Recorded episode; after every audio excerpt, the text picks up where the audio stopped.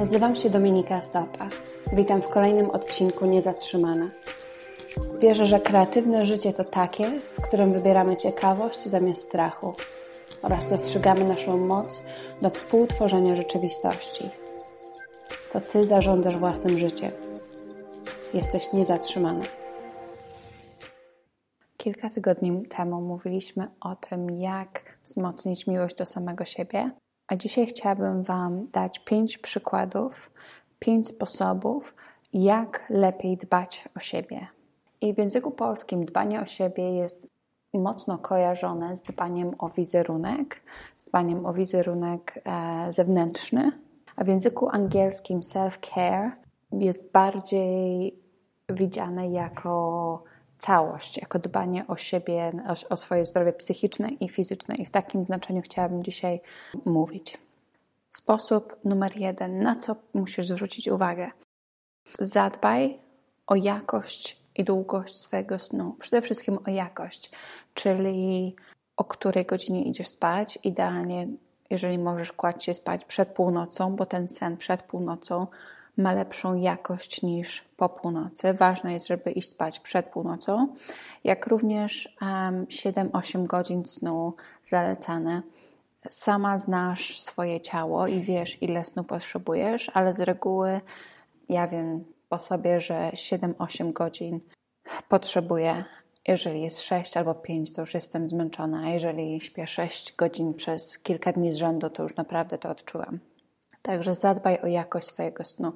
Jeżeli mówimy też o jakości swojego snu, nie jedz dużych posiłków zaraz przed spaniem, nie, nie spędzaj czasu patrząc na, na telefon albo na ekrany różne, to też wpływa źle na jakość Twojego snu.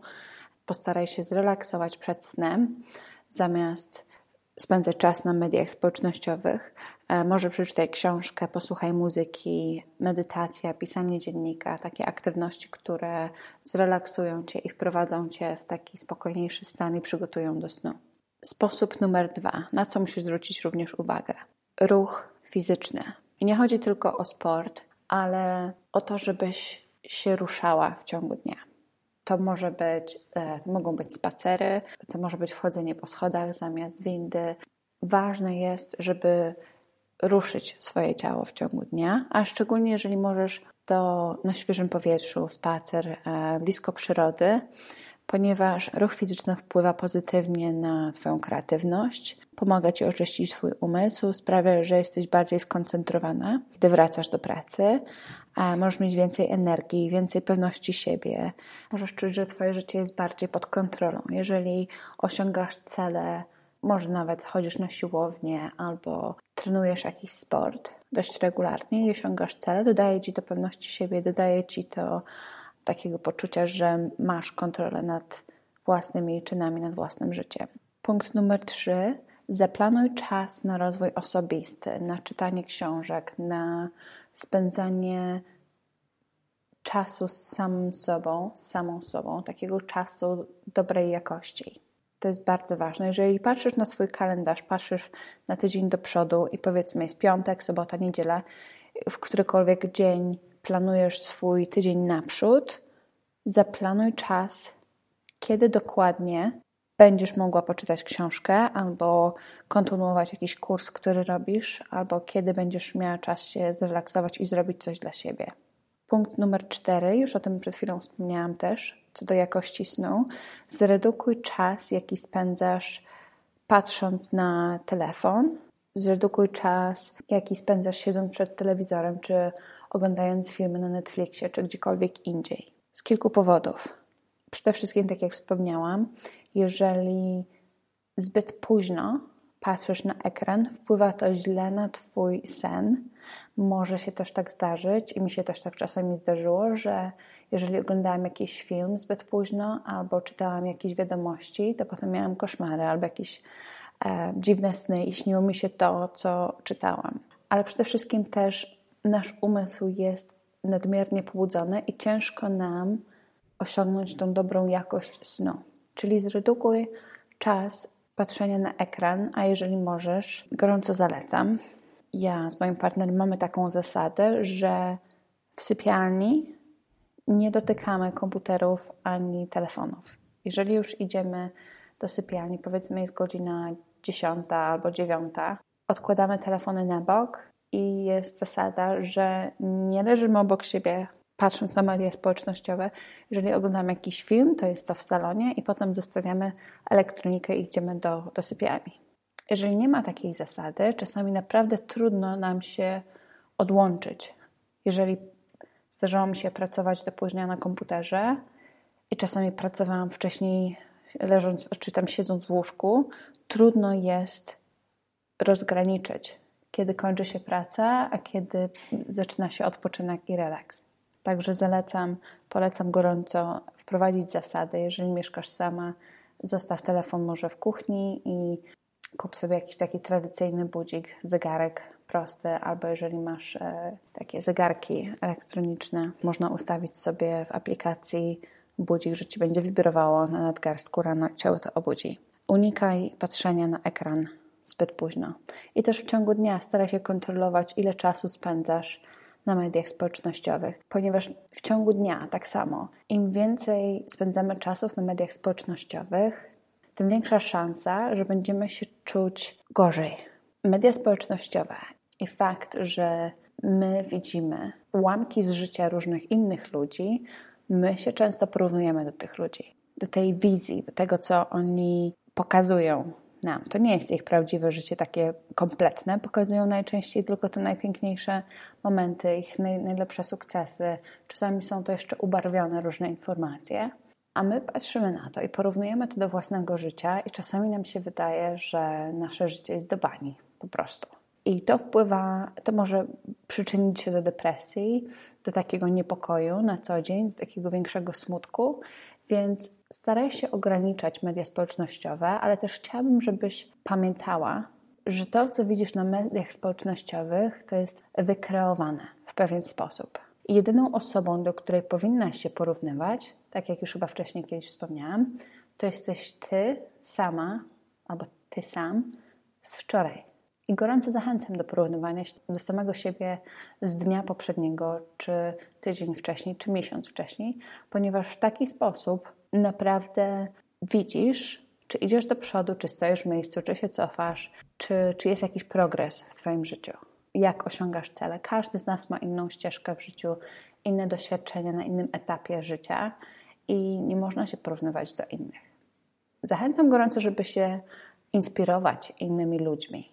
Jeżeli masz jakichś takich mentorów albo ludzi, którzy cię inspirują, jak najbardziej czytaj ich biografię, staraj się obserwować, w jaki sposób doszli do, do tego miejsca, do którego może ty chciałabyś dojść, ale nie porównuj się tak bezpośrednio, ponieważ każdy, każdy z nas ma inne tło, ma inne doświadczenie, ma inne predyspozycje.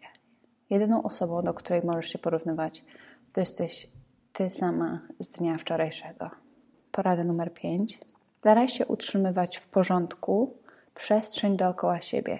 Przestrzeń, w której pracujesz, staraj się utrzymywać w porządku Twój samochód, jeżeli dużo czasu spędzasz w samochodzie, ale przede wszystkim staraj się utrzymywać w porządku Twój własny umysł. Jeżeli Ty masz chaos w głowie, ponieważ może dzieje się dużo, a nie masz nawyku zapisywania różnych rzeczy, może nie masz nawyku planowania, e, wytyczania celów, tworzenia planów akcji, bardzo łatwo jest doprowadzić do takiego momentu, kiedy będziesz czuła, że w głowie masz po prostu milion myśli, milion rzeczy do zrobienia, kompletny mętlik. I zachęcam gorąco do przelewania na papier. Załóż sobie notes albo używaj papierowego kalendarza. Ja używam cały czas papierowego kalendarza, ponieważ ja lubię, jak jest wszystko wizualnie przede mną. Jak widzę, jak są tygodnie zaplanowane i dni są zaplanowane.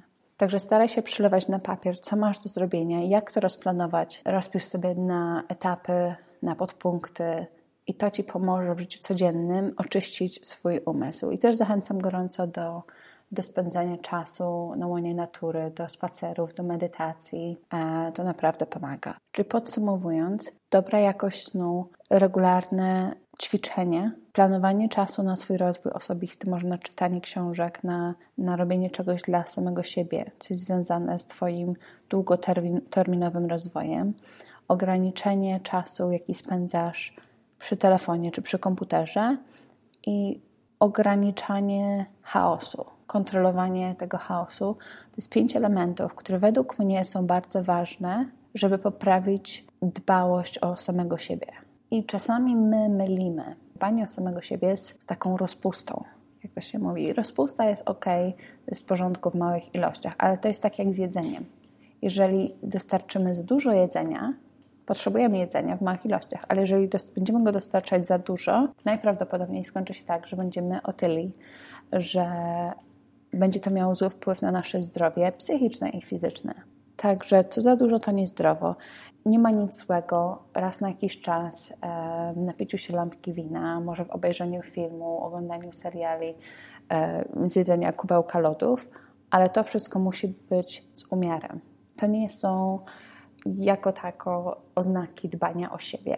Jeżeli mamy wątpliwość, czy coś jest w tej kategorii rozpusty, czy w kategorii dbania o samego siebie, zadaj sobie pytanie, jaki to będzie miało wpływ, jak ta Twoja akcja, ten czyn, jeżeli go będziesz powtarzać często, będzie miał wpływ na Twoje długoterminowe zdrowie psychiczne i fizyczne.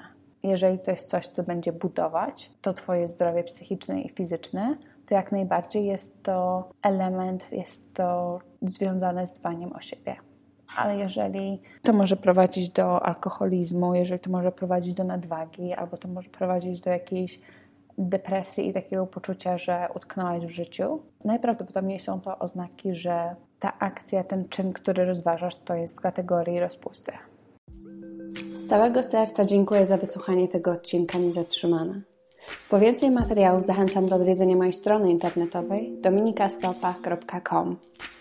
Jeżeli jeszcze nie zasubskrybowałaś, zrób to teraz i proszę zostaw mi ocenę. Uwielbiam oglądać Wasze posty na Instagramie i na Facebooku. Dołącz do mnie już za tydzień w kolejnym odcinku.